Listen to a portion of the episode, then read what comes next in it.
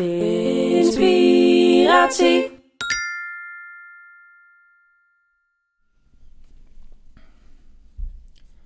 Hallo en welkom bij de elfde aflevering van de Vinspiratie podcast. Zoals je ziet heb ik vandaag geen gast, ik zit hier alleen. Dus dat is even wennen, even spannend. Dat is eh, namelijk de tweede keer, eigenlijk de eerste keer dat ik dat doe. De eerste keer was natuurlijk bij de trailer, waar ik wel alleen achter een microfoon zat, maar niet zozeer met beeld heb opgenomen of een echte podcast heb gedaan. Ehm, nou, waarom zit ik hier vandaag alleen? Eh, dit is niet zozeer omdat ik geen gast kon vinden of iets dergelijks. Dit is echt omdat ik ehm, voelde dat dit een keer goed was om te doen. Ik ben natuurlijk begonnen met de podcast omdat ik een behoefte voelde te delen. Mijn wijsheid, mijn inzichten, mijn kennis, die ik in de afgelopen jaren heb opgedaan, uh, die mocht wel eens uh, naar, naar buiten toe. Maar wat ik merkte was dat um, als ik met andere mensen, met mijn gasten in gesprek was, had ik ongetwijfeld wel de ruimte om mijn inzichten en mijn meningen, wijsheid te delen.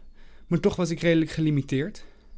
Het was niet zozeer dat ik dit onprettig vond, maar het was gewoon een keer tijd om zelf ook mijn verhaal te gaan delen. Want het is mijn podcast en vreemd genoeg is dat uh, redelijk weinig ter sprake gekomen. Dus dat wil ik vandaag eigenlijk gaan doen.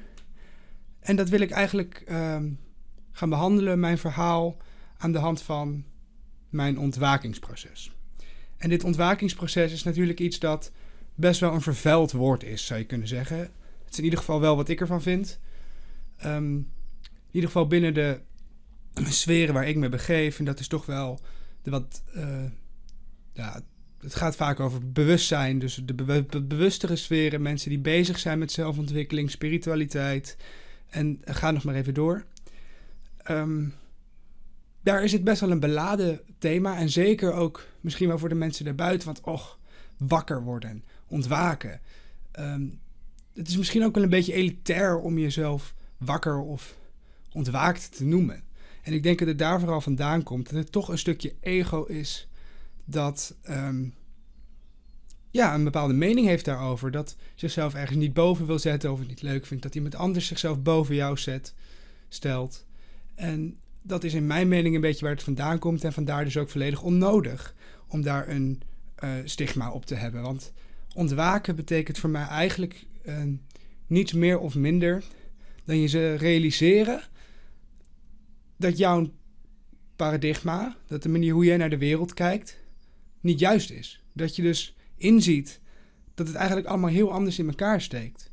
Dat je misschien wel realiseert dat, en dat is voor, volgens mij, en in ieder geval voor mij zo geweest, dat je je realiseert dat je uit connectie was met jezelf. En dat er dus wat te doen staat um, om weer in connectie te komen met jezelf. Om weer die verbinding te gaan ervaren. Om weer vanuit jouw innerlijk te mogen leven. Jouw innerlijke wijsheid. Maar vooral ook gewoon die verbinding met je, met je gevoel. Dat niet alles hierboven afspeelt. En dat is een proces. Dus vandaar ook dat je vaak hoort een ontwakingsproces. Een um, proces waarin je jezelf gaat ontwikkelen. Het is niet iets dat zo gebeurt. Wel is er vaak een moment dat zo um, ja, het proces aanwakkert. Het moment waarop jij in één keer inziet: fuck, het moet anders. En voor mij was dat um, in een wiskundeles. Ja, heel grappig. Ik weet niet precies meer hoe oud ik was. Maar volgens mij was dit het laatste jaar van mijn middelbare school. Nee, het ene laatste jaar. En ik zat in die wiskundeles. en ik had echt een volledige derealisatie. Dat was heel grappig. Ik was in één keer totaal ergens anders, maar, tegelijk, maar ook tegelijkertijd op dezelfde plek. Ik keek naar mijn eigen lichaam, ik keek naar het klaslokaal en ik dacht, wat de fuck doe ik hier? Waarom zit ik hier in een middelbare school, in een klaslokaal, fucking wiskunde te leren, wat ik eigenlijk wel snap? En ik, tuurlijk, met mijn mind snap ik waarom we naar school moeten, don't get me wrong. Maar het was, ik doorzag die matrix van onze maatschappij. Ik doorzag eigenlijk wat voor systemen en structuren wij hier handhaven waar we eigenlijk zomaar aan meedoen. We denken er niet over na, er wordt ons nooit uitgelegd hoe het allemaal werkt.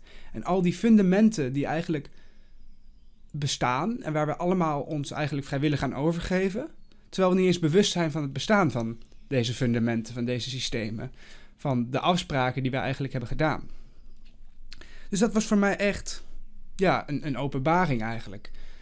Ehm, dit ging natuurlijk gepaard met het feit dat ik niet zo lekker in mijn vel zat destijds. Voor de mensen die mij nog kennen van toen, dat was een ehm, wat donkere periode in mijn leven. En ik denk ook wel dat dit gedeeltelijk de reden is dat ik op zo'n punt uitkwam. Door mijn lijden, um, ik hou niet zo van het woord lijden, maar in principe gewoon het moment dat je niet zo gelukkig bent, um, kan op een gegeven moment zoveel zo erg te veel worden dat je op een gegeven moment helemaal eruit vliegt. Bijvoorbeeld Eckhart Tolle die beschrijft dit ook. Hij is eh, voor de mensen die hem niet kennen, de schrijver van The Power of Now, een super invloedrijk en bestsellend spiritualiteitsboek zou ik zou je kunnen zeggen, een beetje zelfhulpachtig. Nou, hartstikke interessant. Maar hij zegt ook dat hij voordat hij zijn ontwaking had, en hij had echt een volledige ontwaking, hij is uh, basically verlicht geraakt, um, van het ene op het andere moment. Omdat hij uh, zoveel stress, anxiety, pijn, lijden ervaarde, dat hij op een gegeven moment niks anders kon dan gewoon bam, zijn lichaam uit en alles doorzien hoe de hele werkelijkheid in elkaar zat. Bijna hetzelfde als een bijna doodservaring, waar mensen ook spreken over um, ja, paranormale uh, ervaringen, eigenlijk metafysische um, paradigmaveranderingen, waarin jij op een bepaalde manier naar de wereld kijkt en dat in één keer totaal van het ene op het moment verandert. En metafysisch betekent eigenlijk bovennatuurlijk. Iets dat de wetenschap niet kan verklaren. En doordat je in één keer een paradigmaverandering hebt. Paradigma, ik herhaal het lekker vaak, want het is een van mijn favoriete woorden. Is gewoon simpelweg de bril waarmee je naar de wereld, naar een bepaald onderwerp kijkt. En als dat in één keer verandert, omdat je gewoon simpelweg niet meer kan functioneren met je huidige kijk, dat, dat heeft best wel veel effect. Want dan moet je in één keer je hele leven gaan aanpassen. In één keer weet je niet meer hoe, wat, waar, et cetera. En dat was dus ook voor mij het geval. Ik zat in die wiskundeles en ik weet nog dat ik een goede maat van mij, George, hij is ook twee keer eerder in de podcast geweest, appte van... What the fuck man, wat, wat heb ik zojuist ervaren? Um, en tegelijkertijd realiseerde ik mij door die ervaring dat het niet goed met me ging. Dat er echt wat uh, moest gaan veranderen. En uh, zo gezegd, zo gedaan. Het universum speelde maar in het schoot. Ik uh, kreeg de ziekte van Lyme, van een teek. En dat was best wel ook een, een opdracht voor mij. Want ik weet niet, sommigen van jullie zullen het misschien weten, maar als je de ziekte van Lyme hebt, krijg je één keer een antibiotica-kuur. En als dat niet werkt, zeggen de do dokters: succes ermee. Uh, wij kunnen er niks meer aan doen. Dus ik antibiotica-kuur gedaan. En ja, het werkte eigenlijk gewoon niet. Ik was ongelooflijk moe. Ik kon geen trap oplopen zonder uitgeput te zijn. Als ik van school thuis kwam, dan was het gelijk een dutje doen. Dus dat was gewoon niet gezond voor een jong van mijn leeftijd. Um, en dan ga ik hier aan toegeven, ga ik de rest van mijn leven op deze manier leven. Lyme gaat dan met ups en downs, dus de ene keer zul je er meer last van hebben dan de andere keer.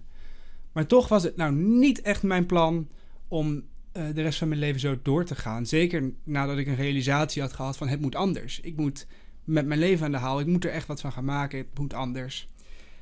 Uh, dus ik ging verder kijken.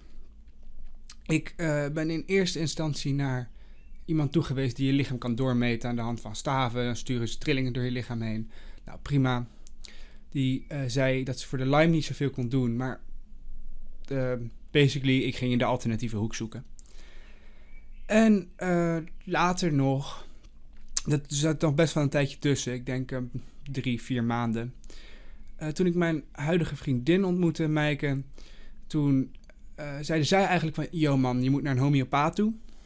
Die homeopaat die kan jou hier echt mee verder helpen. Dat is, ja, top.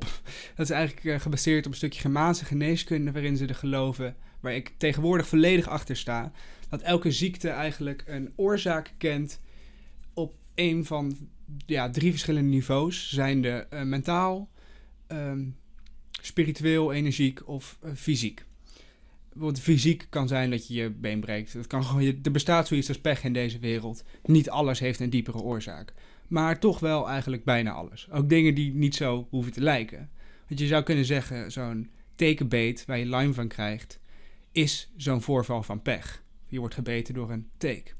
Maar toen ik um, daarheen ging en we gingen samen kijken naar wat de oorzaak volgens deze geneeswijze zou, zou zijn voor de ziekte van Lyme, was het eigenlijk een behoefte aan innerlijke um, ja, bewustzijnsverruiming, innerlijke zoektocht, een innerlijk ehm, ontwakingsproces. Dat was letterlijk de, eh, ja, de oorzaak van de ziekte van Lyme. Dus dat was echt wel ehm, ja, ongelooflijk accuraat eigenlijk, wat daar inderdaad in één keer duidelijk werd. Wat dat kleine beestje mij dus eigenlijk kwam vertellen. Dus eh, samen met mijn homeopaat, uh, Lonneke, zijn wij dat door gaan werken en hebben we het ontstoord. En wat er dus eigenlijk uh, wordt gezegd, ook binnen de homeopathie, is dat wil jij de fysieke kwaal, de ziekte oplossen, dan moet je dus de oorzaak gaan oplossen. In mijn geval dus die behoefte aan die ontwakingsreis. Nou, dat, dat ben ik aangegaan. En daardoor uh, zijn we bij, de, bij mijn homeopaat veel meer stukken gaan bekijken. We zijn ook um, andere trauma's, et cetera, gaan kijken. Hey, want ik had wel meer fysieke klachten. Waar komt dat vandaan? Ook mentale klachten. Ik was bijvoorbeeld alles behalve hier aanwezig. Ik zat altijd in een soort... Ja, ik zat daarboven, weet je. Ik, ik zat in mijn hoofd. Ik was niet hier. En dat hebben we allemaal, heb ik allemaal doorgewerkt. En ik ben er nog steeds niet hoor. Dat is een levenslang proces. Um, maar het was wel begonnen. En niet heel veel later waren we dus klaar met die middelbare school. En dus uh, moest ik een opleiding gaan kiezen. En ik had de keuze eigenlijk al gemaakt uh, voor dat dit allemaal begon. En ik ging daar dan maar gewoon mee door. En ik bleef mezelf vertellen waarom dat de juiste keuze was. Nou, grote fout, zoals je misschien al uh, hoort aan de manier hoe ik het zeg.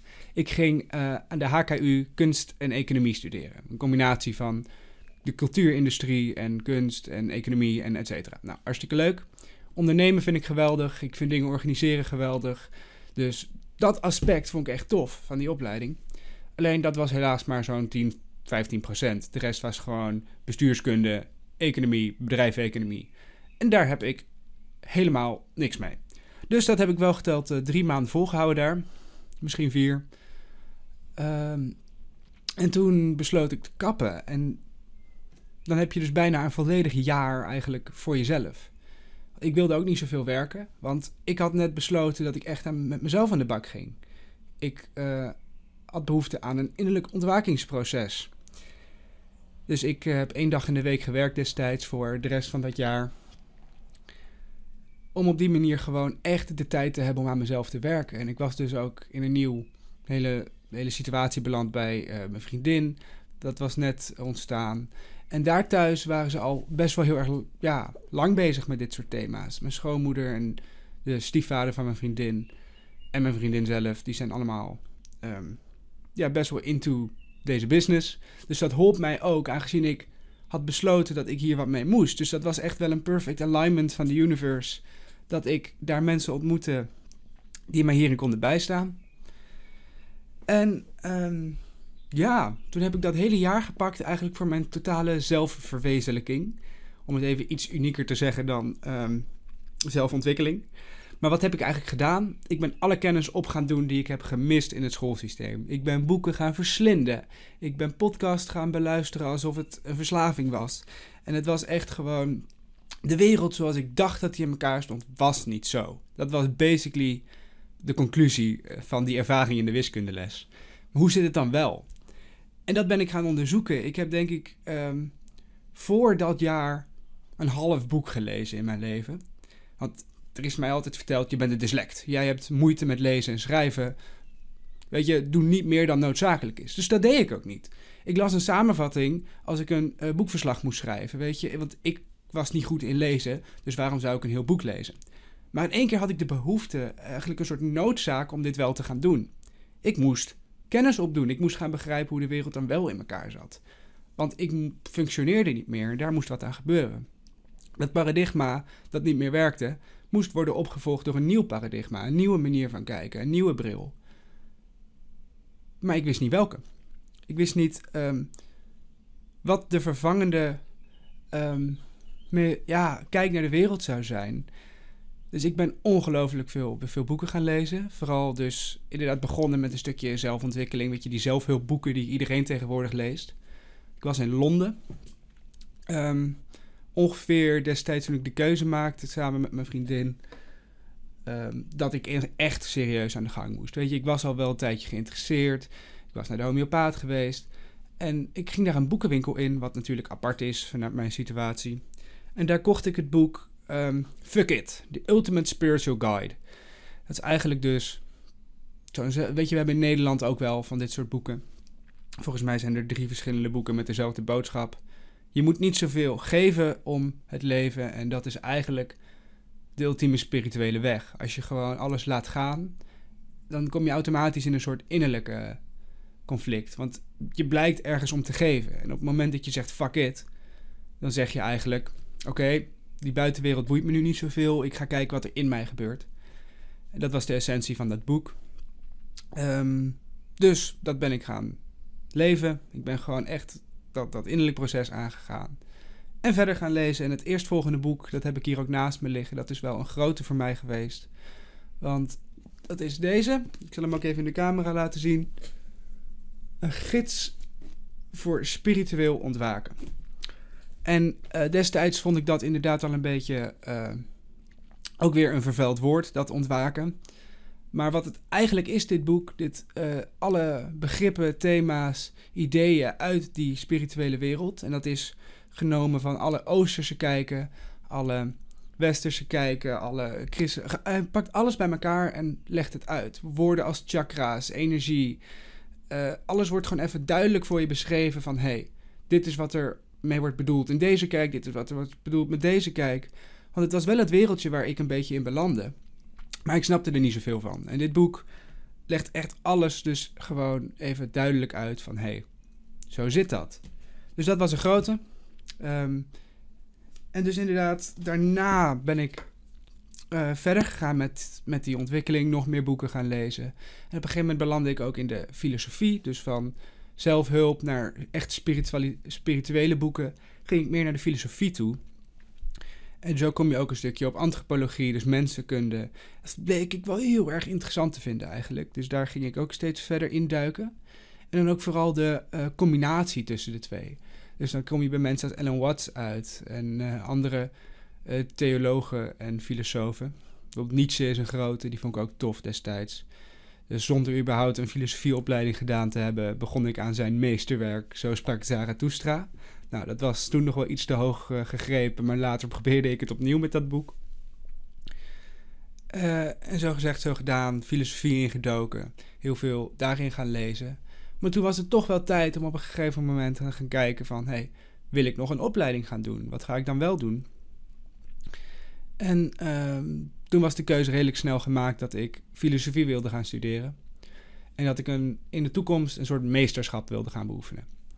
Nou, ver toch? Ik filosofie-studies uh, opzoeken. Helaas allemaal universitair. Ik heb een HAVO-diploma. Maar gelukkig was er eentje in Utrecht. was een HBO-filosofie, toegepaste filosofie. Um, die dus mensen met een HAVO-diploma um, aannam. Dat was een deeltijdopleiding, vond ik eigenlijk ook wel fijn, want het schoolsysteem uh, was ik ook niet meer zo fan van na mijn ontwikkeling van de afgelopen tijd. Weet je, ik uh, had zo'n andere kijk gekregen op de wereld, op hoe alles werkt, op de systemen, dat dat schoolsysteem me ook niet meer zo lag. Ik had geen zin meer om vijf dagen in de week in de schoolbanken te zitten. Dus zo'n deeltijdopleiding kwam mij heel erg goed uit. Dus uh, daarmee begonnen. En ik ben eigenlijk alleen maar doorgegaan met die ontwikkeling. Met nog meer zelf lezen, nog meer podcasts beluisteren. En mijn totale wereldvisie veranderde.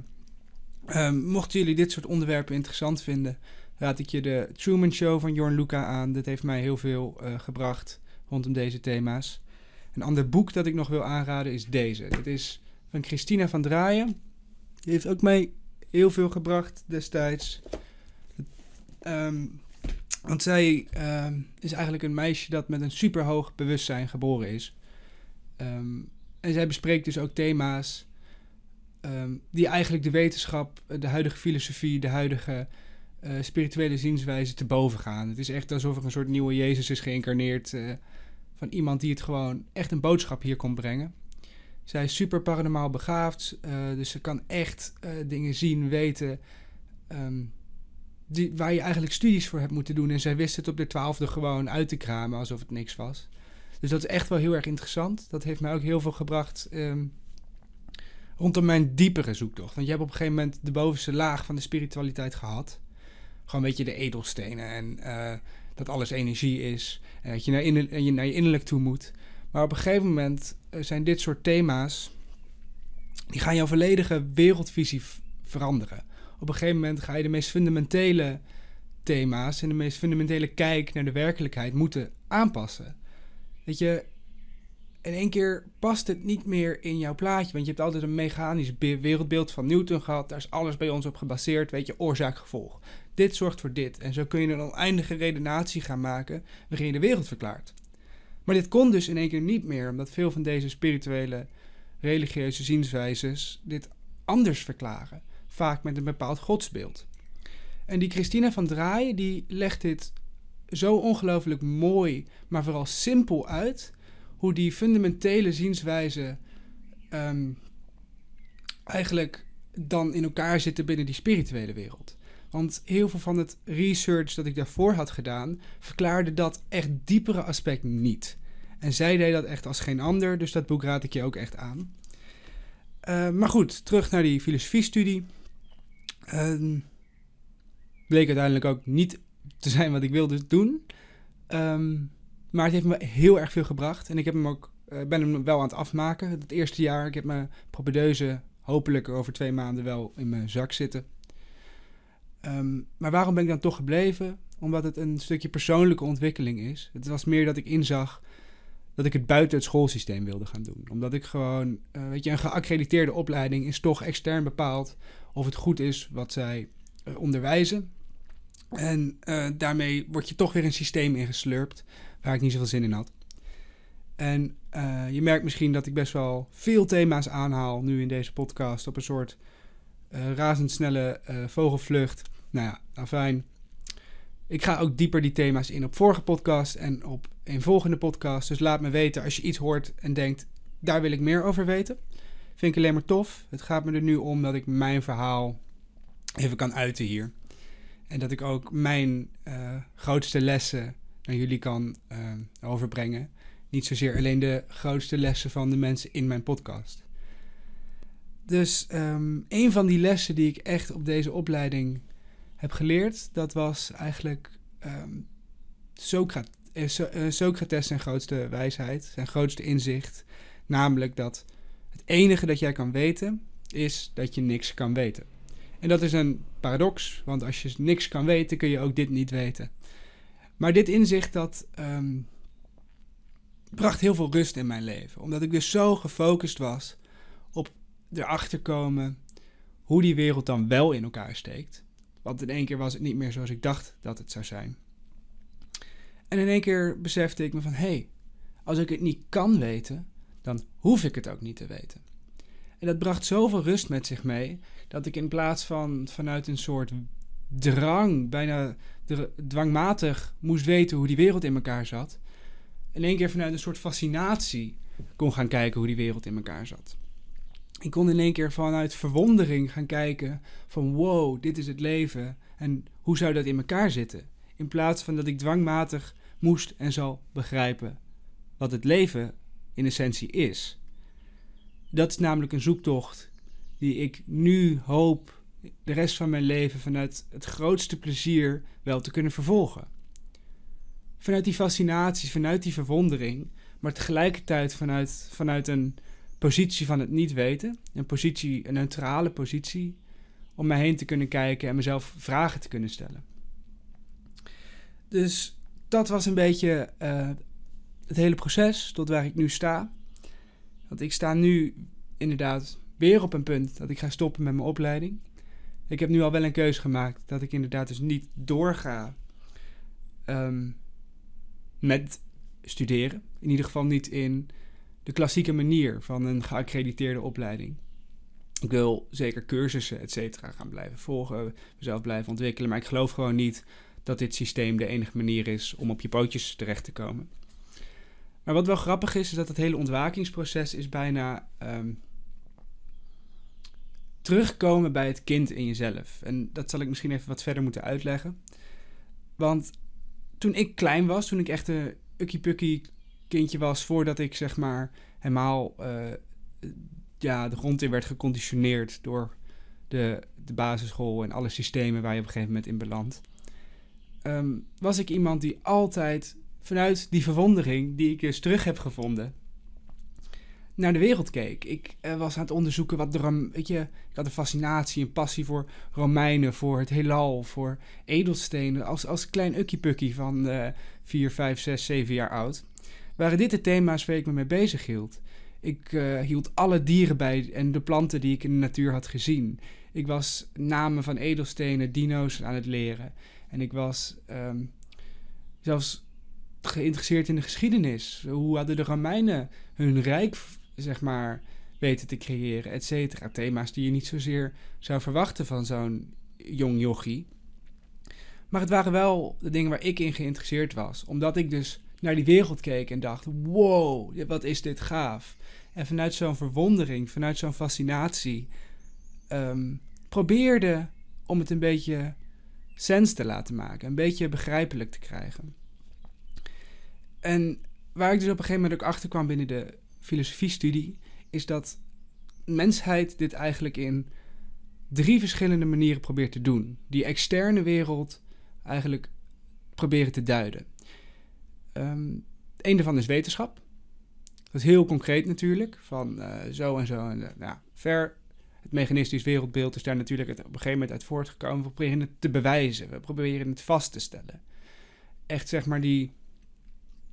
Eigenlijk alsof wij onszelf boven de natuur zetten en wel kunnen gaan zien en begrijpen hoe het in elkaar steekt. Nou, als je echt um, natuurlijk wat dieper in de wetenschap gaat kijken, zul je begrijpen dat het altijd hypothetisch is. Dus dat we onszelf er helemaal niet boven zetten. Dit is puur hoe wij het misschien soms ervaren in uh, de dagelijkse in het dagelijks leven. In ieder geval hoe ik dat ervaar. Maar goed, de andere is kunst. Weet je, we proberen onze ervaring in kunst te vatten. En dat als wij die kunst zien, dat we dan begrijpen wat ermee wordt bedoeld. En de derde is filosofie. En je zou kunnen zeggen dat religie er ook één is. Maar in mijn optiek gaat dat meer over het innerlijk. Dan echt dat externe te duiden. Maar goed, dus die drie uh, ja, duidingsvormen, eigenlijk manieren om vat te krijgen op de externe wereld. Um, ik snapte ineens waarom ik in alle drie zo geïnteresseerd was. Want je had al door, omdat ik natuurlijk eerst naar de kunstacademie ging, om daar kunstindustrie te studeren, had ik daar ook een interesse in. En de wetenschap is op zich ook redelijk duidelijk. Want als ik als kindje al met dat soort thema's bezig was. Uh, en de filosofie, dus ja, ik wilde gewoon wat krijgen op die externe wereld. Dat was eigenlijk mijn thema. Dus zo gezegd, zo gedaan, filosofie gaan studeren. Je hebt gehoord in het verhaaltje. Uh, maar toen ik deze verwondering terugvond, ben ik ook uh, dus opnieuw in exacte thema's gedoken. Want daar heb ik altijd ook wel een soort uh, interesse in gehad. Zeker in de tijd dat het minder goed met me ging en ik vooral in mijn hoofd zat, moest alles wetenschappelijk bewezen zijn. Maar tegelijkertijd, als je zegt dat alles wetenschappelijk te bewijzen is, dan um, zeg je dat alle waarheid in principe ook wetenschappelijk te bewijzen is. Dat alles logisch is. Terwijl er zoveel van die metafysische, paranormale ervaringen um, zijn, die mensen zeggen gehad te hebben, ervaren te hebben, dat het eigenlijk wel heel stom is om je volledige waarheidsbeeld te baseren op die exacte logistiek, die, die wetenschap die we allemaal kennen. Uh, dus, dat had ik dus wel heel erg lang gedaan, tot op dat punt in die wiskundeles, dat mijn hele wereldbeeld uiteenviel.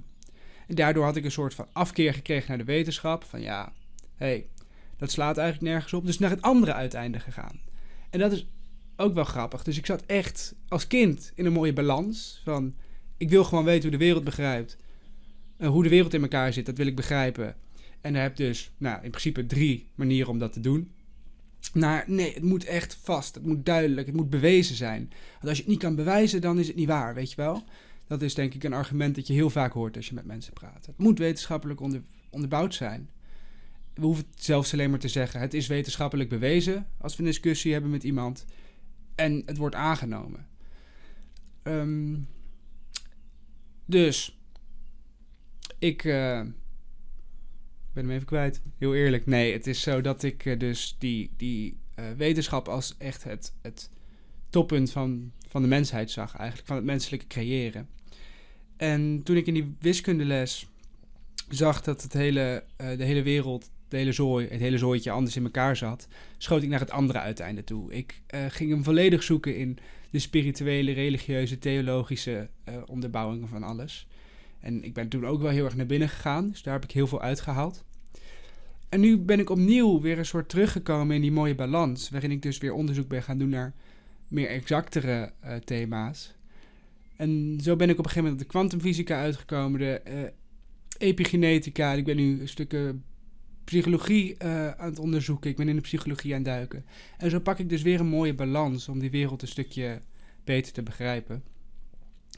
En zo ben ik dus dichter bij dat, daar ging het over, ja, dichter bij dat kinddeel van mezelf gekomen. En dat is eigenlijk dat ontwaken. Ik vind het ook mooi, volgens mij was dat Picasso, iedereen kent hem wel, die kunstenaar. Het was trouwens veel meer dan een kunstenaar, hij deed echt van alles. Uh, maar hij zei ook, het heeft mij uh, twintig jaar van mijn leven gekost om super realistisch te kunnen schilderen. Want we zullen hem allemaal, kennen van zijn abstracte werk. Maar hij kon uh, ongelooflijk realistisch schilderen. Voordat hij de abstracte schilder werd die die, uh, waar hij bekend om staat. Maar vervolgens zei hij dus: Het heeft me twintig jaar gekost om super realistisch te kunnen schilderen. Maar het heeft me mijn hele leven gekost om weer te kunnen schilderen als een kind.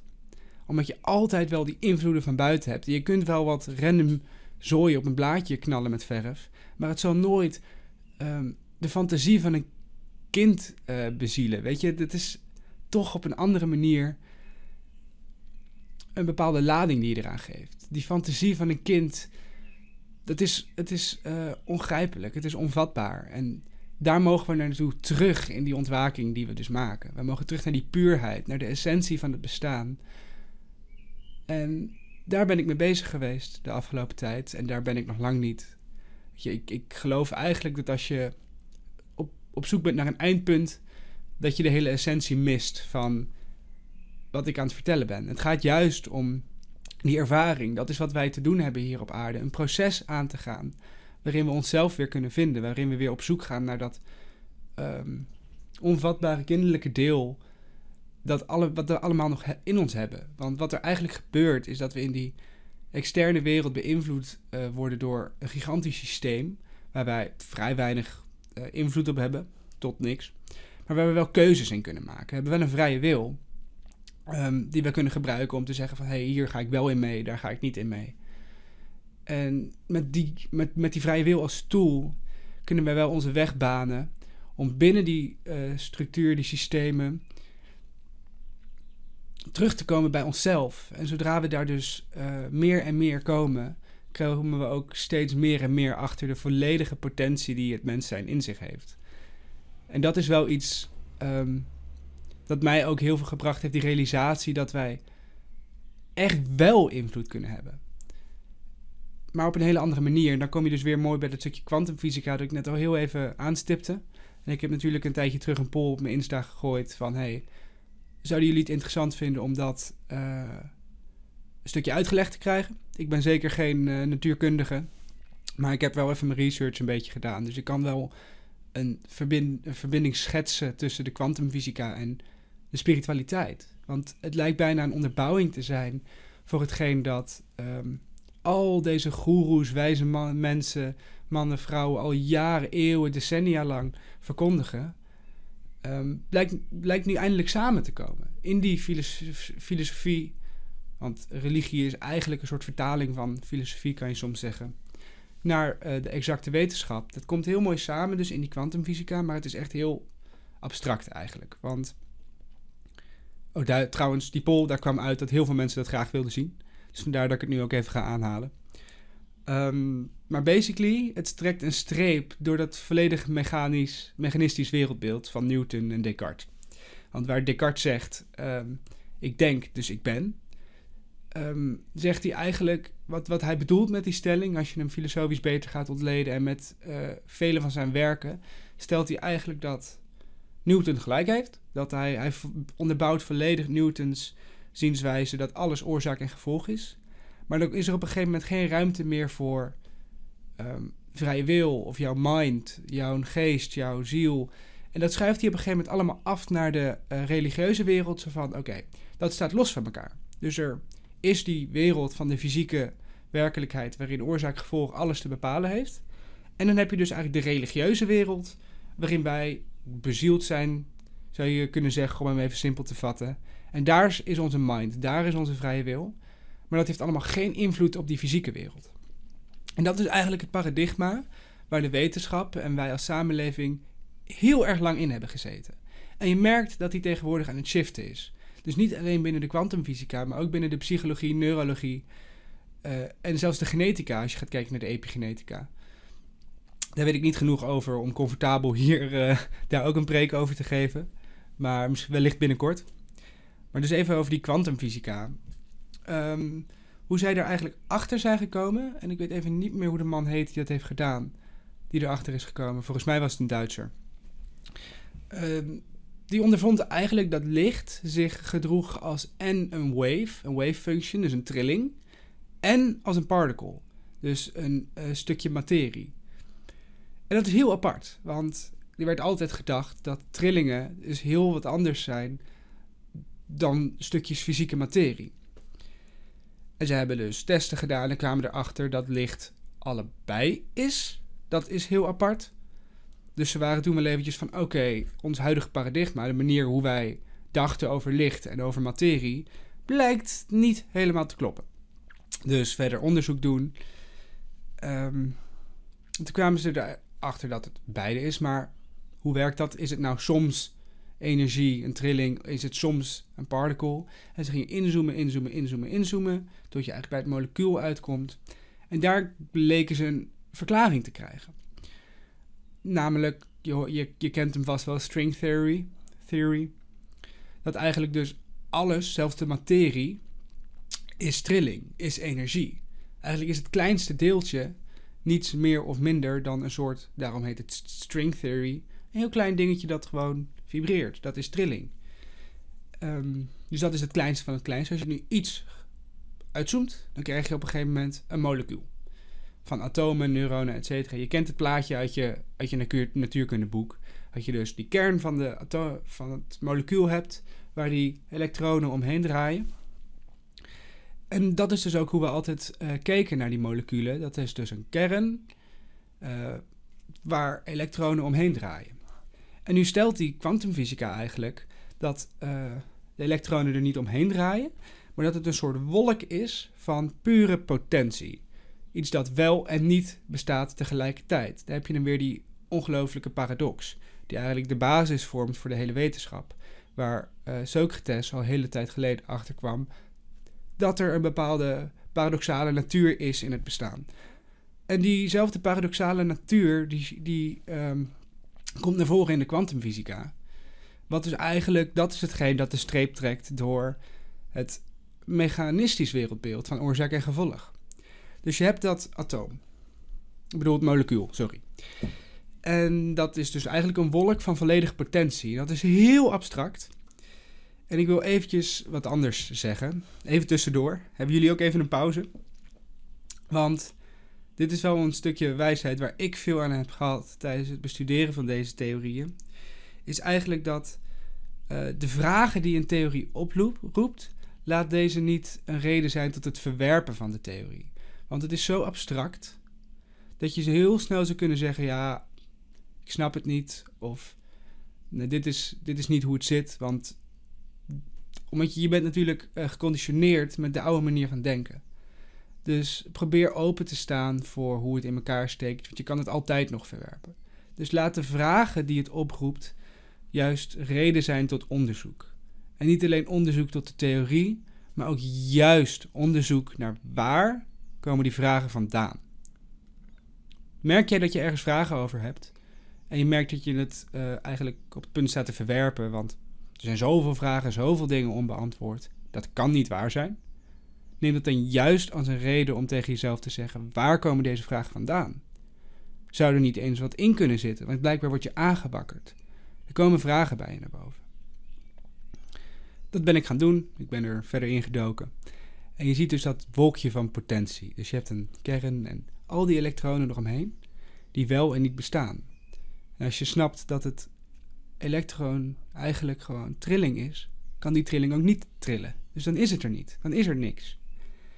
En dit is misschien wel het meest absurde stuk, waarin je dus eigenlijk Descartes' visie op ik denk, dus ik ben, en waar die het loskoppelt van elkaar, het materiële en de mind, wordt uh, tegengesproken. Want wat ze zien is dat zodra er een uh, toeschouwer is in het spel, dat de elektronen in één keer een vaste plek aannemen.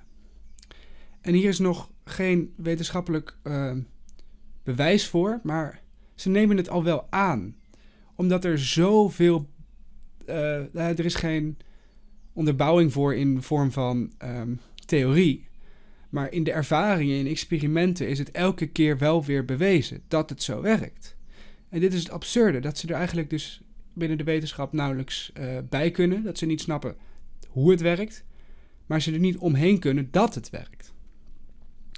Dus die uh, elektronen, dus moet je zien als een wolk van potentiële plaatsen waar de elektron kan zijn. En ook meerdere of mindere elektrons als je hem echt diep gaat pakken.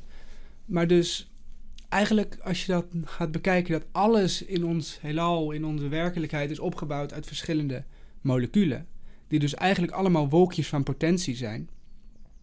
Krijg je op een gegeven moment te zien dat er een gigantisch veld is van potentie. Eigenlijk is alles letterlijk potentie. En pas zodra het wordt waargenomen, schiet het in de werkelijkheid. Dan pas wordt het werkelijkheid. Dus er bestaat een verbinding tussen jouw mind, jouw geest, jouw zijn, jouw ziel, hoe je het ook wilt noemen, en de materiële werkelijkheid. En dat is zo eigenlijk um, verbazend, want we hebben altijd gedacht dat dat er niet was. Het is niet alleen zo dat jij door je mindset te veranderen je eigen handelen verandert, maar je gaat letterlijk de wereld om je heen veranderen. En dat is dus wel heel essentieel voor het begrijpen van die spirituele en um, religieuze denkwijze vaak. Dat er dus een volledig veld van potentie bestaat, waarin je dus kan manifesteren. Daar komen dit soort tekens vandaan, dit soort uh, begrippen vandaan. En um, dit is eventjes in vogelvlucht hoe het werkt. En het zal ongetwijfeld ongelooflijk veel vragen bij je oproepen. oproepen. Maar ik heb hier een boek liggen dat als je er echt in geïnteresseerd bent, raad ik je deze aan. Um, Breaking the Habit of Being Yourself. Hij zal er vast ook in het Nederlands zijn als je dat makkelijker vindt. Um, maar daar wordt dat echt nog duidelijker uitgelegd. Dat is iemand die in de psychologie heel veel heeft gedaan en wel zelf ook heel spiritueel van aard is. En dus onderzoek heeft gedaan naar die kwantumfysica, naar die epigenetica en het in verband brengt. Dat is ook hoe ik erop kwam. En daarna lekker andere boekjes gaan lezen, documentaires gaan kijken. En dan krijg je op een gegeven moment uh, een steeds beter begrip van hoe het werkt. Ik zal hem nog even op de camera houden. Is deze jongen. Ja, ja, Spotify-luisteraars, ga alsjeblieft op YouTube kijken. Ik doe niet voor niks uh, dit. Maar goed, uh, dat was dus een beetje mijn uh, onderzoekstocht in de, in de kwantumfysica. Even een soort zijpaadje van waar de podcast over gaat. Namelijk mijn ontwakingsproces. Um, ik merk wel dat ik uh, snel praat. Dus als dat een dingetje is, zet lekker de YouTube-video op uh, 0.75. Dat heb ik vaak als ik enthousiast word. Maar dan heb ik eigenlijk nog wel een ander laatste thema waar ik eventjes een beetje wil aanraken. En dat is eigenlijk dus inderdaad die weg naar binnen. Hij is wel wat vaker langsgekomen. Maar wat bedoel ik daar nou eigenlijk mee te zeggen?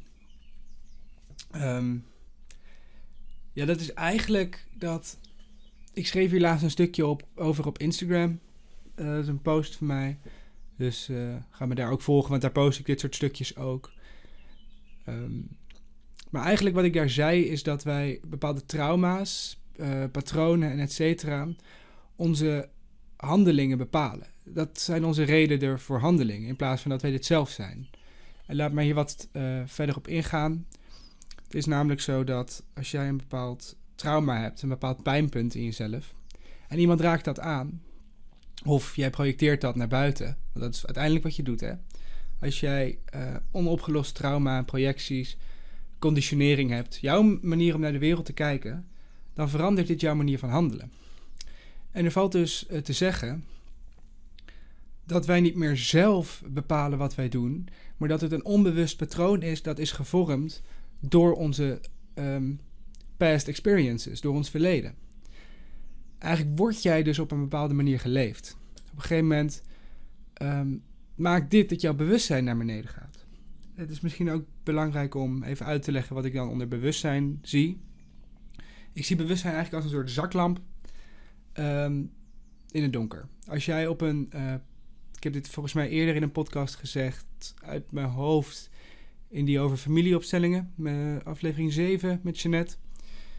Uh, als jij op een donker pad loopt, dus ik zal hem nu even wat, wat korter uitleggen. Dan heb jij een zaklamp bij je.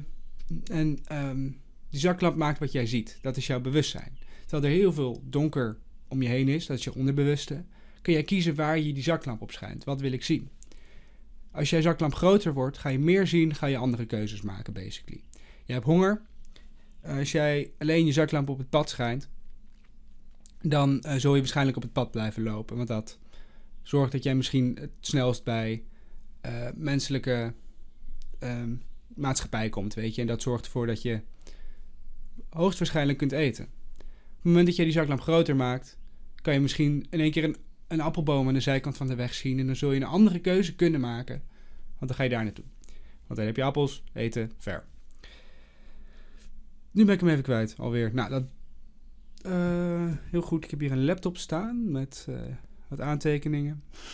Oh ja, de weg naar binnen en je bewustzijn. Um, dus jouw bewustzijn gaat op een gegeven moment dalen omdat jij wordt geleefd. Weet je, jouw patronen, jouw trauma's gaan in één keer um, de reden zijn tot jouw handelen. In plaats van dat je dit zelf bent. En als je dit zelf bent, dat vereist een hoog bewustzijn. Dat vereist van jou dat je die zaklamp op jouw thema's hebt ges uh, geschenen. Als je dat niet doet, je bent je onbewust van jouw thema's, dan kun je er ook geen keuzes op maken.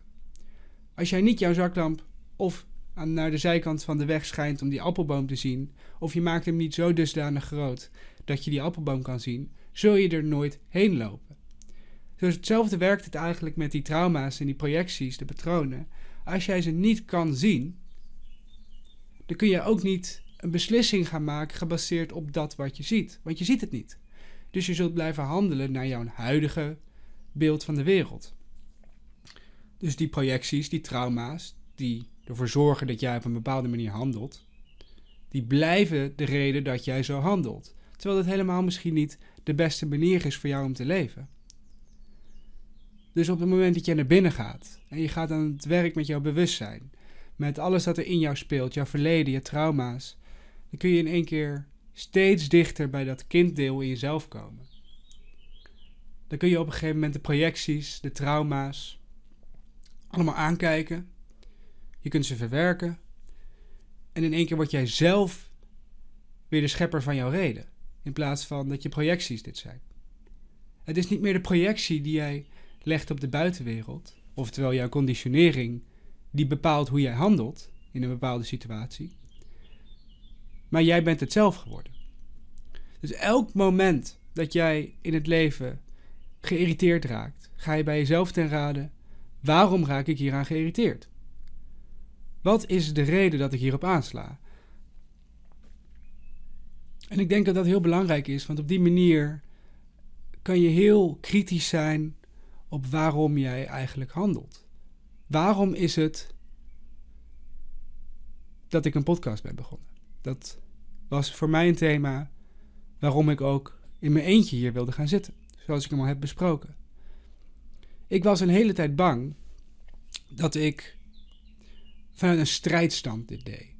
Want ik had zo'n andere visie op de wereld gekregen. Ik heb dingen gelezen waarvan ik dacht dat mensen dit niet weten. Dat mensen niet weten dat de wereld zo in elkaar zit. En ik was bang dat ik vanuit een soort iedereen moet dit gaan begrijpen om de wereld te redden, deze podcast was gaan doen. Uiteindelijk kwam ik erachter door een innerlijk proces dat die angst heel ergens anders vandaan kwam. Namelijk een angst om mezelf te uiten. Om hier alleen te gaan zitten. Dat vond ik erg spannend. Dus ik ging bij mezelf te raden en ik dacht: welke projectie is het, welk trauma dat ik dit niet durf te doen? En als ik dan ga kijken naar de middelbare school, waar ik nou uh, niet de meest populaire jongetje was, op de basisschool waar ik gepest ben, wordt dat op een gegeven moment best wel duidelijk. Zeker als ik vervolgens mijn familiesysteem erbij pak. Als je daar meer over wil weten, ga naar de podcast die ik zojuist heb genoemd. En je gaat zien dat het thema er mogen zijn in mijn leven een hele grote rol speelt. Dus als ik dan in één keer mezelf wil gaan uiten, dan ben ik daar bang voor. Dan ga ik er allemaal dingen bij halen in mijn hoofd. Wat is het waarom ik dit doe? Waarom willen mensen mij wel zien? Etcetera. En je houdt er zoveel bij. Maar pas als je bij jezelf ten rade gaat van... hé, hey, waarom gebeurt dit? Waarom sla ik hier zo op aan? Wat is het in mij dat ik nu bang ben? Dat ik nu geïrriteerd ben? Dat ik nu blij ben? Zelfs daar kun je natuurlijk een zoektocht op doen. En dan kom je er in één keer achter dat het nergens op slaat. Het is wel zo dat je dan op een gegeven moment misschien stuurloos kan raken. Want dan kom je op dat niet weten uit. En dat niet weten is voor, weet je, die verwondering en fascinatie iets heel erg goeds. Maar toch moet je wel functioneren hier in die buitenwereld. Toch moet je wel je shit op orde hebben, om het even heel concreet te zeggen. En ehm, dat is misschien ook iets waar ik ermee wil afsluiten, deze, dit stukje wijsheid. Ik was laatst bij een lezing van Marcel Messing. Het laatste boekje dat ik ook ga laten zien. Deze. Die heb ik ook. Uh, dit is de meester van de eindtijd trouwens. Ongelooflijke aanrader, ook niet zo dik. Um, maar daar stelde ik hem een vraag.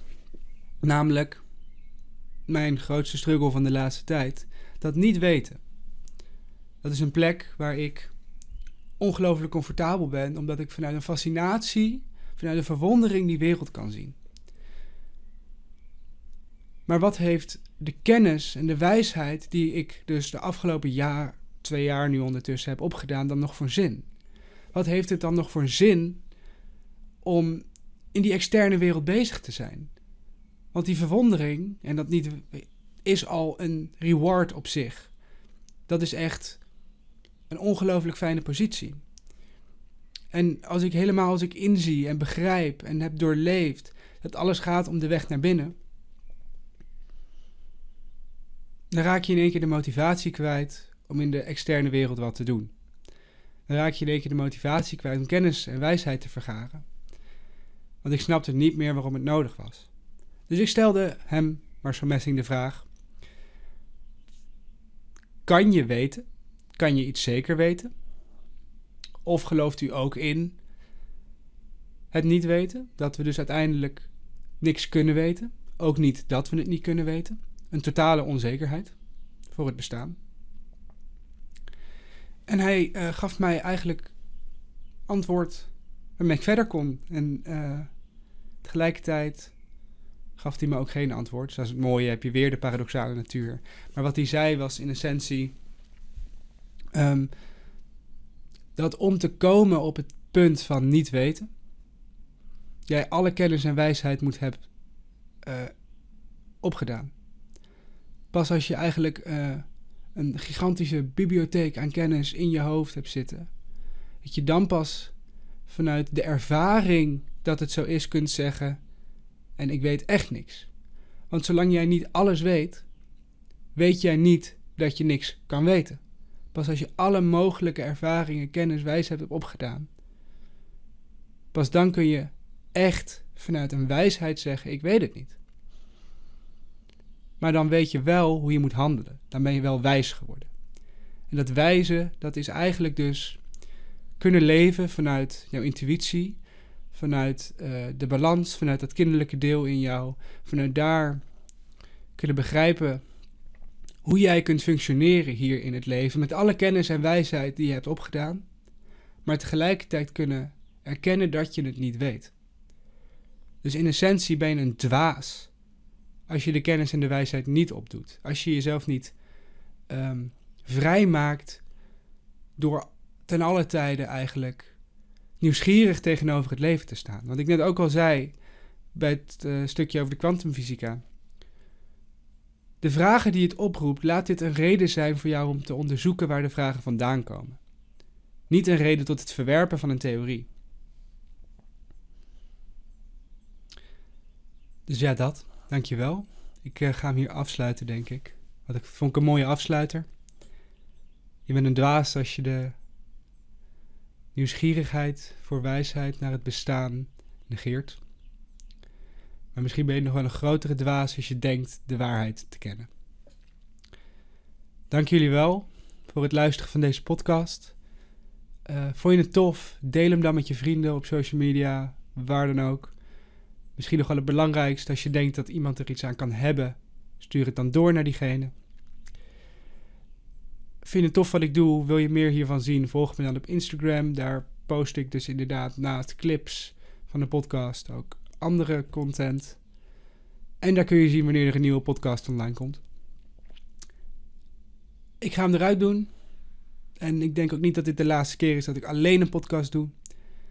Maar in de toekomst zeker weer meer met gasten. De volgende sowieso. Dus kijk daar naar uit. Dank jullie wel voor het kijken en tot de volgende keer bij de Vinspiratie Podcast.